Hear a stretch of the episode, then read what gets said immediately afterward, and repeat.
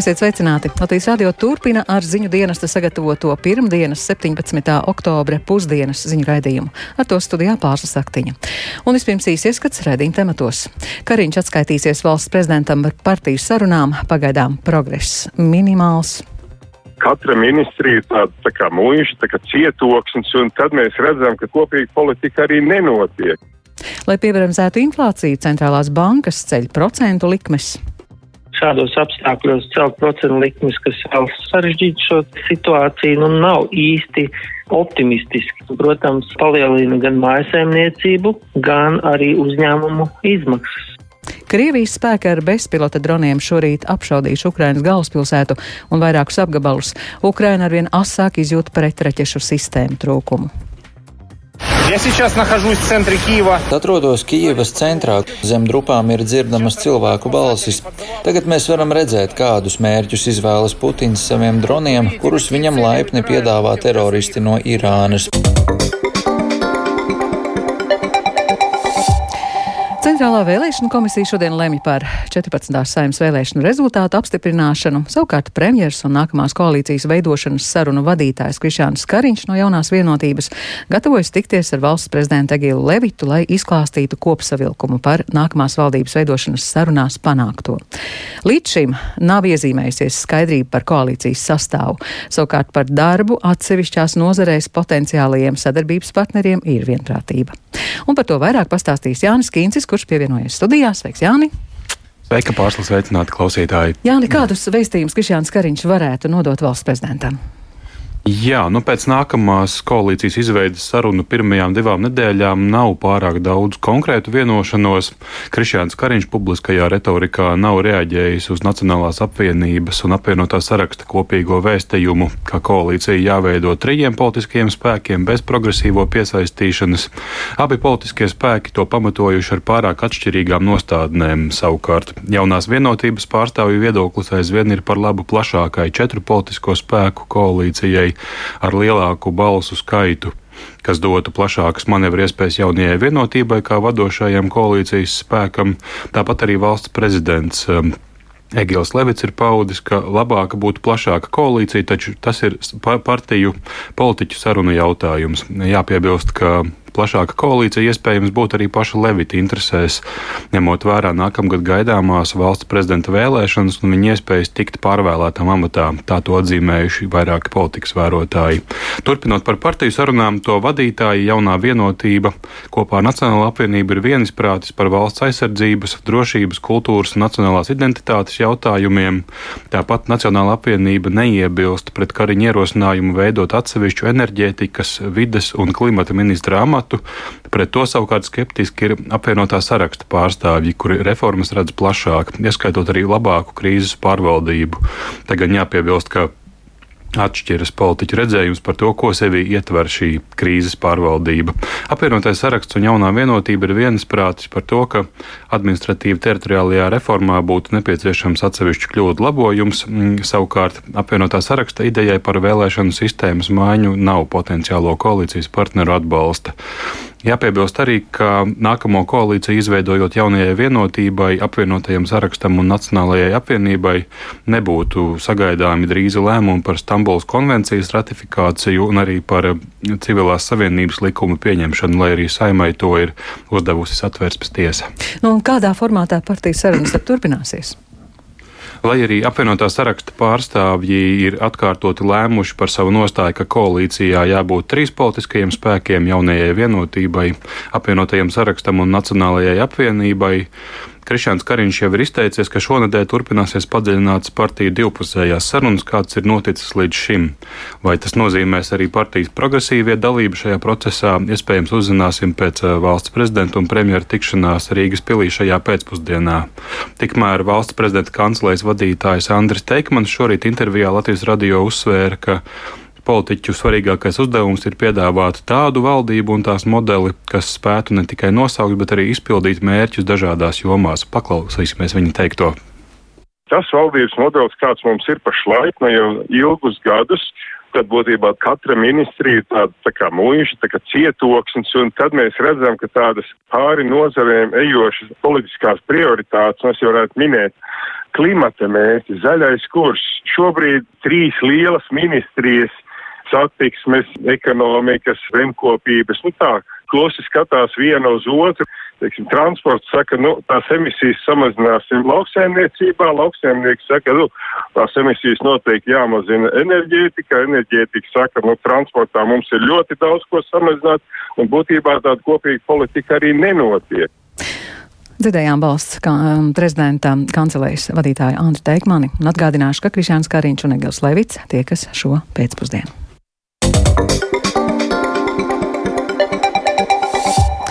Lai neielaistu ekonomikā infekciju, centrālās bankas apņēmušās celt procentu likmes.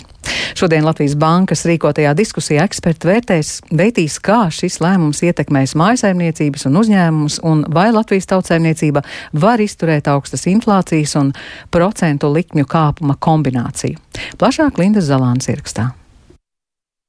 Ar procentu likmju celšanu centrālās bankas apņēmušās cīnīties ar inflāciju, kas Latvijā un citās Baltijas valstīs pārsniedz jau 20%. Latvijas bankas monetārās politikas pārvaldes pētniecības daļas vadītājs Kārlis Villerts uzsver, ka šīs zāles ir rūktas, bet nepieciešamas, lai inflācija neiesakņotos. Viena lieta ir sadzīvot ar inflāciju īsu laiku sprīdi, apzinoties, ka pavisam drīz mēs atgriezīsimies pie zemes inflācijas 2% apmērā, kādu mēs pieredzējām pēdējo desmit gadu. Pavisam cits tāds ir tad, ja inflācija sabiedrības prātos ir šeit uz palikšanu. Tad pastāv šis risks, ka inflācija iesakņosies, proti tiks iecinot algās, bet darba devēja būs spiests to finansēt savukārt ar tālāku preču un pakalpojumu cenu celšanu. Līdz ar to inflācija dzīsies pati par sevi uz priekšu. Augstākas procentu likmes ir veids, kā inflāciju nedaudz atdzesēt un piebremzēt. Kārlis Vilērts akcentē, ka šobrīd inflāciju izraisa nevis ekonomikas pārkaršana, bet globālās norises, energoresursu un pārtiks cenu pieaugums, piegāžu ķēžu problēmas, un augstākas procentu likmes tiešā veidā šīs problēmas, diemžēl, neatrisina. Līdz ar to ir nedaudz naivi gaidīt, ka inflācija uzreiz piebremzēsies. Tas, ko augstāks procentu likums izdarīs, ir nepieļaut to, ka pēc, kad šī energoresursu krīze būs beigusies, ja, ka inflācija būs šeit uz palikšanu. Tas ir tur, kur augsts procentu likmes dara savu darbu. Ja. Tas ir tā kā apliecinājums tam, ka centrālās bankas apzinās inflācijas problēmas nopietnību un darīs visu nepieciešamo, lai inflācija pēc iespējas ātrāk atgriezties pie 2% mērķa. Sebbankas ekonomists Dainis Gašpuitis teica, ka šobrīd ekonomika palielinās, problēmas tikai sāsinās un augstākais punkts ir vēl priekšā. Šādos apstākļos celt procentu likmes, kas vēl sarežģītu šo situāciju, nu nav īsti optimistiski, jo ir skaidrs, ka tas vēl vairāk pastiprina šos sarežģījumus un, protams, palielina gan mājasēmniecību, gan arī uzņēmumu izmaksas. Un, protams, tas ir tas jautājums, kādas tad vēl ir alternatīvas, jo, nu, skaidrs, ka šobrīd tie procesi, kas pamatā virza inflāciju, mēs varam atrast, nu, ja tā teikt, visdziļāk tieši Eiropā, tās ir gāzes cenas, kas izriet no tā, kas šobrīd notiek Ukrainā. Ir skaidrs, ka tiešā veidā, nu, daudzi tādu instrumentu un ietekmju sirds centrālās bankas rīcībā nav. Augstākas procentu likmes nozīmē, ka uzņēmumiem un maisaimniecībām ikmēneša kredīta maksājums pieaugs, un varbūt daļa klientu, kuriem izmaksu kāpumu pārdzīvot būs sarežģīti. Protams, ka ja pieaug gan komunālajie maksājumi, jā, pārtika, tad, protams, kredīta maksājums var būt ļoti sarežģīts tāds eh, izaicinājums vēl klāts. Gašpoits teica, ka bankas var nākt pretim un klientiem bez lielas formalitāšu kārtošanas piešķirt kredīta brīvdienas. Latvijas Tirzniecības un Rūpniecības kameras valdes priekšādātājs Jānis Enziņš uzsver, ka arī uzņēmumiem šī situācija nav vienkārša, jo būs jārēķinās ar dārgāku kredīta apkalpošanu un arī tirgus situācija aizvien pasliktinās gan Latvijā, gan eksporta tirgos. Visi vēro situāciju, kāda viņi veidojās un sako līdzi Eiropas centrālās bankas lēmumiem jau un tur jau tās prognozes ir tādas, kādas viņas ir, ka, ka likmes nu, visu laiku kāpj un turpinās kāpt, nu, diemžēl, bet tā. Kas attiecas uz recesiju, nu mēs jau redzam arī ne tikai Latvijā, bet arī eksporta tirgos, ka paliek sarežģītāk patērētāju veikalos arī Eiropā ar citu. Sāk pirkt mazāk, sāk izvēlēties lētāku veidu produktus. Nu, attiecīgi uzņēmuma pusē ir nu, jācenšas pielāgoties, cik nu, vien var sakot līdzi patērētāju paradumiem un pēc enziņa paustā tuvākajā laikā recesija ir sagaidāma. Linda Zalāne, Latvijas radio. Latvijas valsts parāds gada beigās varētu būt aptuveni 45% no iekšzemes koprodukta. Tā Latvijas radio prognozēja Fiskālās disciplīnas padomas priekšsēdētāja Inna Steinbuka. Viņa norādīja, ka tas nav daudz, tikai puse salīdzinājumā ar citām Eirozonas valstīm. Tas gan nenozīmē, ka varam daudz tērēt, jo drīzumā aizņemšanās strauji sadārdzināsies. Un kā atzina Steinbuka, jārēķinās, ka pieaugs valsts budžets budžeta deficīts, ja vien ekonomika pēkšņi nesāks strauji augt, taču ilgtermiņā deficītu nāksies samazināt. Steinbuka arī bija skeptiska par valdības nākamā gada budžeta deficīta plāniem ātri vai vēlu eh, valsts budžeta deficīts ir jāsamazina, ar to ir jārēķinās. Jo šobrīd, piemēram, Eiropas Savienība mums ļauj tērēt principā daudz, bet tad, kad tomēr atkal būs ieviesti ierobežojumi valsts parādam, vai mums Latvijai izdosies sasniegt jau nākamajā gadā uh, to mērķi, 3,3%. Nu, es neņemos spriest, es domāju, ka tas šobrīd ir vēlams rezultāts, jau iespējams, ka viņš būs uh, sliktāks.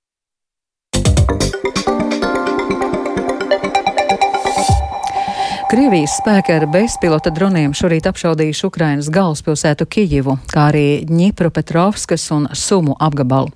Lai arī Ukrainas bruņotie spēki atzīst, ka ikdienu tiem izdodas notriekt līdz pat vairākiem desmitiem šo dronu, arvien asāk izjūtams pretreķeša aizsardzības sistēmas trūkums. Tās solījušas piegādāt vairākas rietumvalstis. Vairāk stāstūģis Lībietis. Vien pirms dažām dienām Krievijas prezidents Vladimirs Putins atbildot uz žurnālistu uzdotiem jautājumiem paziņoja, ka masveida triecieni Ukrainas teritorijai pašlaik nav nepieciešami, jo iepriekš izvirzītie mērķi ir sasniegti. Taču šorīt saņemts ziņas, ka Ukrainas virzienā pavērsti vairāki desmit Irānas piegādāto dronu pašnāvnieku. Masveidīgām apšaudēm pakļauts Dņipropetrovskas un Sumu apgabals, un kā norāda Ukrainas bruņoto spēku pārstāvi, visi droni ir palaisti no Ukrainas dienvidu reģiona bet naktas laikā vien ir izdevies notriekt 37 šādus lidaparātus. Taču ne visi bezpilota lidaparāti tiek notriekti. Četri droni šorīt izdarījuši triecienu arī galvaspilsētas Kijivas centrā. Neilgi pēc septiņiem no rīta viens no droniem trāpīja dzīvojamā ēkā, un notikuma vietā bija ieradies arī Ukraiņas iekšlietu ministra vietnieks Antons Graščenko. Pašlaik es atrodos Kijivas centrā, kur bija atlidojis Irāņu drons pašnāvnieks un trāpīja dzīvojamai mājai. Pašlaik strādā glābēji un zem drupām ir dzirdamas cilvēku balsis. Tiek darīts viss iespējamais, lai viņus atbrīvotu. Tagad mēs varam redzēt, kādus mērķus izvēlas Putins saviem droniem, kurus viņam laipni piedāvā teroristi no Irānas. Irānas. Tās ir dzīvojamās mājas Kīivas centrā. Pilsētas vadība ir paziņojusi, ka izglābt ir izdevies 18 cilvēks, bet iespējamais bojā gājušo skaits vēl tiek skaidrots. Reaģējot uz šī rīta uzlidojumiem, Ukrainas prezidents Volodimirs Zelenskis ir izteicies, ka ienaidnieks var veikt triecienus pa Ukraiņu pilsētām, taču Ukraiņu tautu salauzt neizdosies. Pēc Zelenska vārdiem okupants gaida tikai taisnīgs sots un nākamo pauģu nosodījums. Tikmēr Ukrainas prezidenta administrācijas padomnieks Mihailo Podoļaks ir aicinājis pēc šī rīta uzbrukumiem izslēgt Krieviju no nākamā mēneša gaidāmā G20 samita. Šī rīta uzbrukuma kārtībā reizi ir aktualizējuši jautājumu par pretgaisa aizsardzības sistēmu nepietiekamo skaitu Ukrainā, jo vairākos video redzams, ka dronus no automātiem cenšies notriekt vienkāršie patruļu policisti. Vakar ļoti lielu satraukumu izraisīja arī ziņas par to, ka Irāna varētu nodot Krievijai gan vidējas darbības rādījusi balistiskās raķetes, gan vēl vairāk bezpilotu lidaparātu un dronu. Rēģējot uz šiem paziņojumiem, Vācijas ārlietu ministra Annelēna Bērboka ir izteikusies, ka Vācija arī turpmāk sniegs Ukrainai militāro palīdzību, īpaši uzmanību pievēršot tieši presgaisa aizsardzības sistēmām. Par zenītraķešu sistēmas skrotāla nodošanu Ukrainai ir paziņojusi arī Francija. Šīs sistēmas ir domātas tieši maziem augstumiem un tuvām distancēm un varētu būt ļoti noderīgas tieši cīņai ar bezpilotu lidaprātiem. Bet visai negaidīti par iespējamo Ukrainas atbalstīšanu ir paziņojusi arī Izraela. Pēc Irānas paziņojumiem Izraels diasporas lietu ministrs Nahmans Šais ir paziņojis, ka Izraēlai vairs nav nekādu šaubu par to, kurā pusē šajā karā nostāties. Tāpēc Kijavai būtu jāpiešķir tāda pati militārā palīdzība, kā to dara NATO valstis un ASV. Ministrs gan nav precizējis, par kādu tieši palīdzību ir runa. Šeit jāpiebilst, ka vēl septembra otrajā pusē Ukrainas prezidents Zelenskis pauda sašutumu par to, ka Izraela Ukrainai līdz šim īsti nav palīdzējusi. Uģis Lībijams, Latvijas radio. Centrāla Amerikas valsts Nikaragva un Eiropas Savienība ir iesaistījušās diplomātiskajā karā. Konflikts ir saistīts ar Briseles apsūdzībām par nopietniem cilvēktiesību pārkāpumiem un plašāk Ulda ķezberi ierakstā. Eiropas Savienība pagājušajā nedēļā atzina par nevēlamu personu Nikaragvas diplomātiskās misijas vadītāju Eiropas Savienībā. Tas bija Briseles atbildes solis uz Nikaragvas lēmumu izraidīt no valsts Eiropas Savienības vēstnieci Betinu Mušeitu un vienpusēji saraut diplomātiskās attiecības ar bloka dalībvalsti Nīderlandi. Nikaragvas dusmas izsauca Nīderlandes lēmums nepiešķirt finansējumu sen solītas slimnīcas būvniecībai. Nīderlandes valdība savu lēmumu pamatoja ar demokrātijas un cilvēktiesību stāvokļa pasliktināšanos Nikaragvā. Eiropas Savienības ārlietu dienesta runas vīrs Peters Stano Nikaragvas rīcību nodēvēja par nepamatotu. Only... Tā ir naidīga rīcība, kas tikai vēl vairāk veicinās Nikaragvas varas iestāžu un režīma starptautisko izolāciju, un tas, protams, ietekmēs attiecības starp Eiropas Savienību un Nikaragvu, kā arī attiecības starp Eiropas Savienības dalību valstīm un Nikaragvu. Nikaragvā jau 15 gadus pie varas ir sociālists Daniels Ortega, kurš 70. gadu beigās palīdzēja gāzt diktatoru Anastasio Somozu.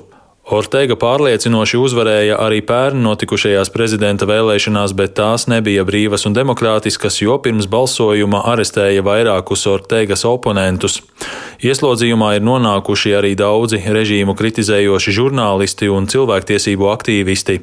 Ortegas represijas ir skārušas arī katoļu baznīcu, kas kritizēja valdības vardarbīgo vēršanos pret plašajiem iedzīvotāju protestiem 2018. gadā. Toreiz dievnami kļuva par patvērumu daudziem režīma vajātajiem. Augustā varas iestādes noteica mājas arestu bīskapam Rolando Alvaresam, kurš ir viens no redzamākajiem Ortegas kritiķiem. Garīdznieku apsūdz par kūdīšanu uz vardarbību ar mērķi gāzt valdību. Eiropas parlaments septembrī pieņēma rezolūciju, kurā pieprasīja nekavējoties atbrīvot Alvaresu. Viens no rezolūcijas autoriem, sociālistu deputāts Javi Lopes, apsūdzēja Ortegu terorismā pret Nikaragvas iedzīvotājiem. Pēc sistēmiskas visu prezidenta amata kandidātu ieslodzīšanas, jebkuras opozīcijas balss, žurnālistu, cilvēktiesību aizstāvju, studentu līderu vajāšanas, pēdējās represijas ir skārušas vienu no nedaudzajām opozīcijas balsīm valstī - baznīcu, jo ir apcietināts bīskaps Rolando Alvarez. Jautājums ir šāds: ko darīt? Mobilizēt visus mūsu diplomātiskos centienus, runāt ar visiem mūsu partneriem reģionā, lai panāktu, ka viņi atbalsta mūsu reakciju, un, protams, izmantot visus mūsu politiskās sadarbības mehānismus, tostarp tirzniecības nolīgumus, lai panāktu, ka tie tiek apturēti. Ir jādara viss iespējamais, lai cīnītos pret diktatūru, kas valda šajā valstī. ASV un Eiropas Savienība 2019. gadā ieviesa sankcijas pret Nikaragvu, to pamatojot ar plašajiem cilvēktiesību pārkāpumiem, pilsonisko brīvību ierobežojumiem un demokrātijas vājināšanu. Eiropas Savienība pagājušajā nedēļā nolēma pagarināt sankcijas līdz 2023. gada oktobrim.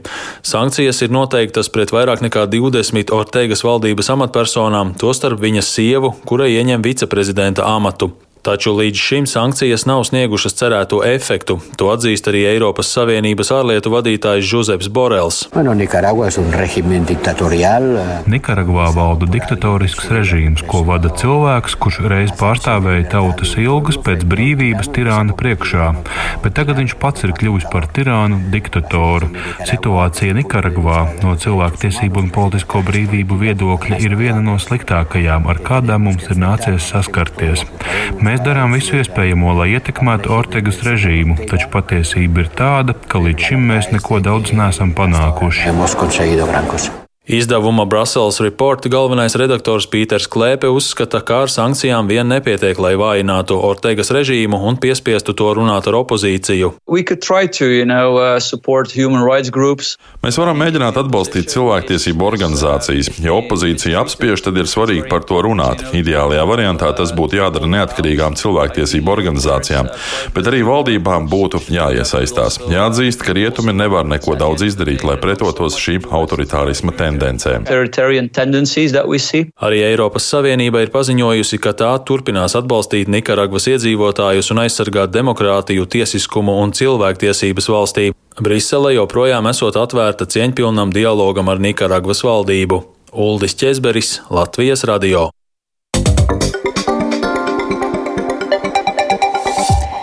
Veselības ministrija kopā ar nevalstisku organizāciju partneriem jau sagatavojusi un valsts kancelijā iesniegusi reto slimību plānu. Tam jāpalīdz nodrošināt saulaicīgu reto slimību diagnostiku, kā arī efektīvāku un pieejamāku to ārstēšanu un rehabilitāciju. Kādu plānu izskatīs, pagaidām ministrijā nezina. Vairāk Kristapa Feldmaņa ierakstā.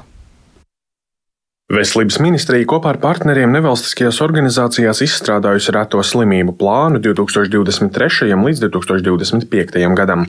Pati ministrija īsā rakstiskā komentārā skaidro, plāns šobrīd jau ir sagatavots un iesniegts valsts kancelējā, taču ministrija pagaidām nevarēja teikt, kad šis jautājums tiks izskatīts.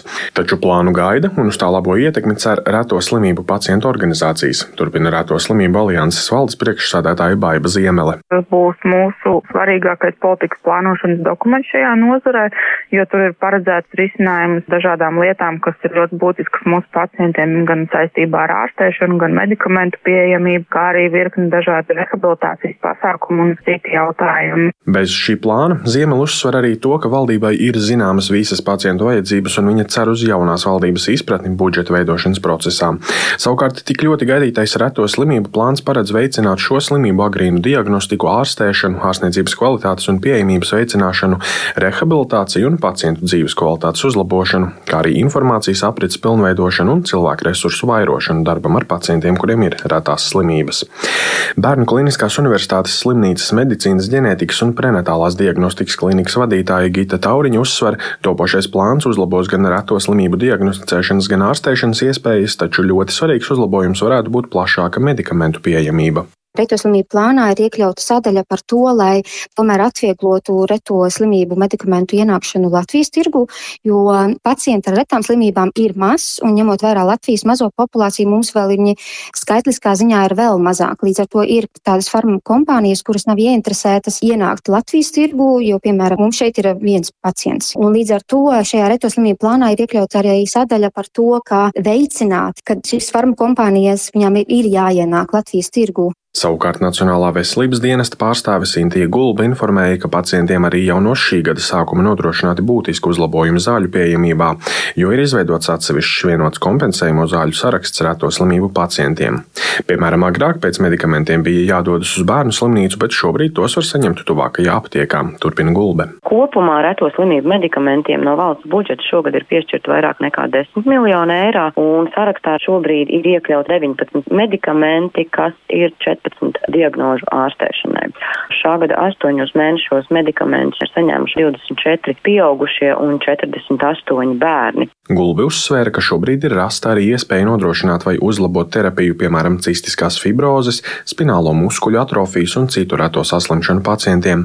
Tikmēr veselības ministrija paredzējusi, ka reto slimību plāna ieviešana 2023. gadā izmaksās aptuveni 13,2 miljonus eiro un turpmāk prasīs ap 20 miljoniem eiro gadā. Kristaps Feldmanis, Latvijas radio.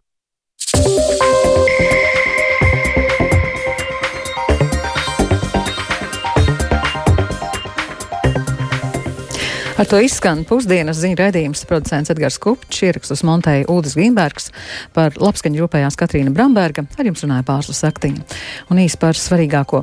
Kariņš atskaitīsies valsts prezidentam par partiju sarunām, pagaidām progress minimāls, lai piebremzētu inflāciju centrālās bankas ceļ procentu likmes. Krievijas spēki ar bezpilota droniem šorīt apšaudījuši Ukrainas galvaspilsētu un vairākus apgabalus. Ukraina arvien asāk izjūt pretreķešu sistēmu trūkumu. Reto slimību plāns gaida izskatīšanu ministru kabinetā. Pacienti cer, ka tas beidzot sakārtos ārstēšanas sistēmu. Šī raidījuma atkārtojumu meklējiet raidierakstu platformās, kā dienas ziņas un Latvijas radio mobilajā lietotnē. Latvijas radio ziņām sekojiet arī Latvijas radio viens Facebook lapā un LSMLV. Yeah.